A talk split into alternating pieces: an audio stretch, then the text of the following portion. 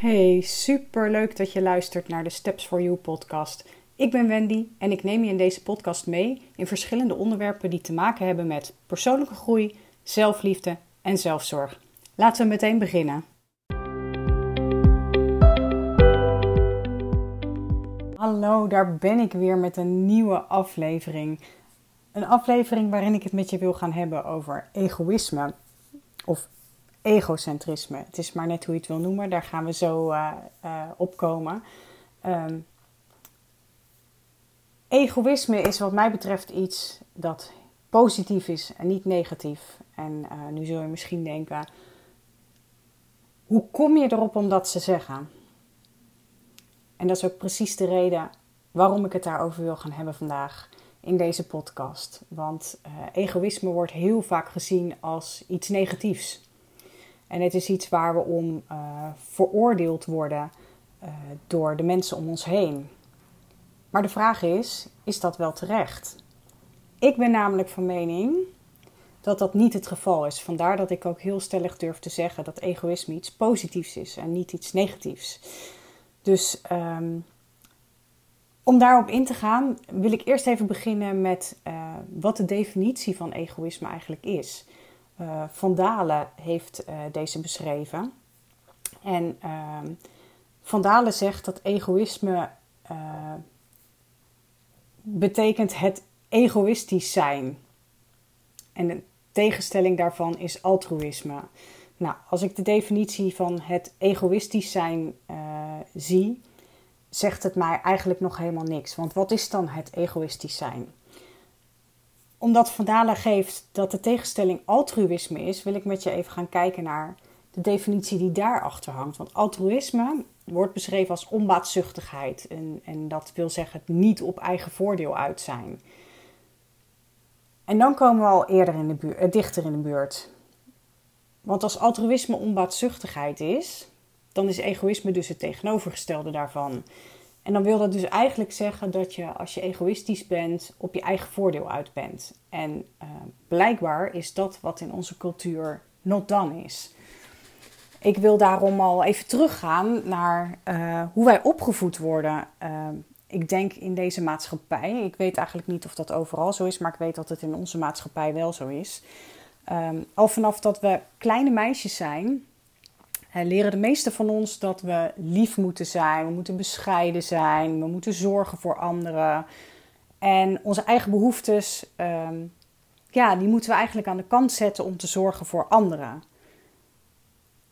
Ook ik ben zo opgevoed en niet omdat mijn ouders uh, mij niet het beste gunden, maar uh, waarschijnlijk omdat het gewoon iets is wat in, in de hele maatschappij een beetje uh, op die manier naar voren komt. En um, de afgelopen jaren ben ik me gaan afvragen of het eigenlijk wel klopt. En dan kom je er dus pas achter, van kwam ik er dus pas achter, door al die jaren dat gedrag vertoond te hebben, dat het voor mij niet klopt en dat er iets moet veranderen. Want wat gebeurt er nou als we steeds onszelf aan de kant zetten en onze eigen behoeftes aan de kant zetten? Dan komen we zelf iets tekort.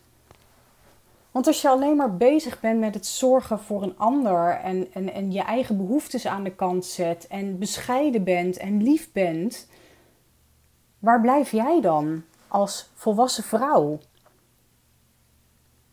Dan, dan zorg je dus niet goed voor jezelf als je alleen maar voor een ander uh, aan het zorgen bent. Want dan kom ik dus nu op de titel van de blog: Egoïsme is positief en niet negatief. Het is positief om aan jezelf te denken, om voor jezelf te zorgen. Sterker nog, het is heel erg nodig dat je jezelf uh, op de eerste plaats zet. En niet die ander altijd op de eerste plaats zet. Want je energie is beperkt en energie heb je zelf ook nodig om voor een ander te kunnen zorgen. Want zonder energie gaat dat ook niet lukken. Dus wat mij betreft is het juist heel gezond en heel belangrijk om egoïstisch te zijn. En dan heb ik het dus over gezond. Um, want je, je hebt egoïs, egoïstisch, daar heb ik net de definitie al van besproken met je. Daarnaast heb je egocentrisch. En egocentrisch wordt beschreven in Van Dalen als het eh, eigen ik tot middelpunt makend. Nou, dat kan natuurlijk een heleboel kanten op. Als je dat alleen maar doet, jezelf alleen maar centraal stelt en nooit aan een ander denkt, dan, uh, dan heeft het iets ongezonds. En ik denk dat daar dus de uitspraak heel erg vandaan komt dat je niet egoïstisch mag zijn.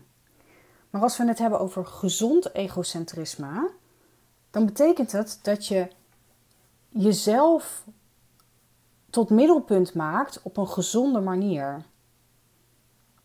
Voor jezelf zorgen en jouw leven belangrijk maken voor jezelf. En pas als je dat doet, dan kun je voor een ander gaan zorgen. Het is dus nergens voor nodig om je schuldig te voelen als jij gezond egocentrisch bent. Gezond egocentrisch kun je bijvoorbeeld vinden in het uh, afzeggen van een afspraak als je die hebt staan, maar op dat moment voelt: eigenlijk trek ik dit niet.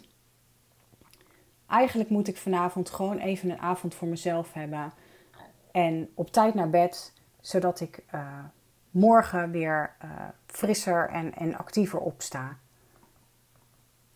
Dat is niet egoïstisch, dat is, dat is niet extreem egocentrisch, maar dat is gezond egocentrisch.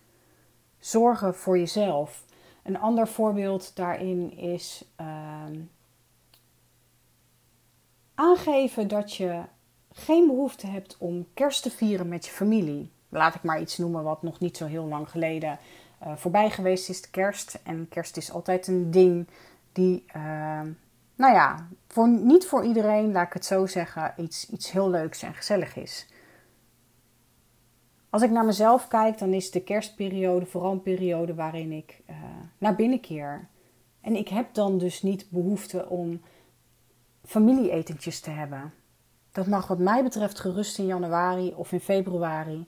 Maar december is voor mij daarin niet de periode.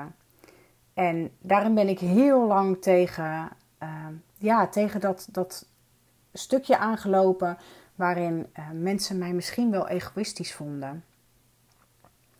En vroeger kon ik bij het woord egoïstisch, als men, tegen, als men zei van ja, je bent heel egoïstisch, kon ik eigenlijk heel boos worden, omdat dat voor mij dus ook een hele negatieve lading had. Maar als ik nu kijk naar waarom ik bijvoorbeeld met de kerst niet aan die familieetentjes wil doen, dan is dat een gezonde manier van egocentrisme. Het is voor mezelf zorgen. Het is grenzen stellen. En daar is niks mis mee. Daar hoef ik me niet schuldig om te voelen. En daar hoef jij je dus ook niet schuldig om te voelen. Op het moment dat jij het doet omdat het goed is voor jou op dat moment, dan hoef je je daar niet schuldig over te voelen. Het is een noodzakelijk iets om gezond te blijven, om mentaal gezond te blijven en er daarna voor een ander te kunnen zijn. Er zijn van die levensfases waarin gezond egocentrisme ineens belangrijker is dan in andere. Uh, denk aan wanneer je net een kind gekregen hebt. Jouw gezin is op dat moment het belangrijkste. En als jij tijd nodig hebt om op adem te komen, naast alle voedingen en, en, en alle slapeloze nachten en noem maar op, en je kunt daardoor er even niet voor anderen zijn, dan is dat oké. Net als dat het oké is dat die ander dat jammer vindt of dat die ander uh, teleurgesteld is, ook dat mag. Maar voor jou is op dat moment jouw leven en jouw gezondheid het belangrijkste. Daarin mag je dus egocentrisch zijn. En daarom vind ik het zo belangrijk om het onderscheid te maken tussen egocentrisch en gezond egocentrisch. En dat laatste, daar is helemaal niks mis mee. En dat wil ik je dus in deze podcast ook meegeven. Dus voel jij je schuldig wanneer je gezond egocentrisch bent?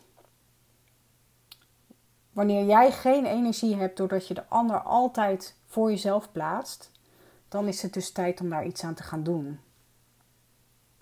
Plan dan nu meteen met mij een gratis matchcall in. Dan maken we kennis. Dan uh, gaan we daar samen mee aan de slag. Als er een wederzijdse klik is. Ik loop dan met je mee, ik support je. Ik geef je af en toe een liefdevolle schop onder je kont, als dat nodig is. En ik juich je toe wanneer je stappen zet om jezelf centraal te zetten of op die eerste plaats te zetten. Dus doe dat. Dan ben ik alweer tot het einde gekomen van deze podcast. Ik hoop dat je er iets aan gehad hebt en dat, je, ehm, nou, dat ik je misschien wel aan het denken heb kunnen zetten. En dan uh, rest mij niets anders dan te zeggen: tot de volgende podcast. Doei doei! Bedankt voor het luisteren. En mocht je deze aflevering interessant hebben gevonden, dan zou ik het super fijn vinden als je dat deelt op Instagram of LinkedIn. Maak dan even een screenshot en deel deze in je stories of in je feed. En vergeet me vooral niet te taggen. Ik vind het super leuk om te zien wie er luistert en je inspireert anderen door het onder de aandacht brengen van mijn podcast. En als ik je nog één gunst mag vragen, zou je dan ook een review willen achterlaten op Spotify of in de Apple Podcast? Hoe meer reviews, hoe beter de podcast wordt gevonden en daarmee kan ik meer mensen bereiken. Dus super bedankt als je dat wil doen.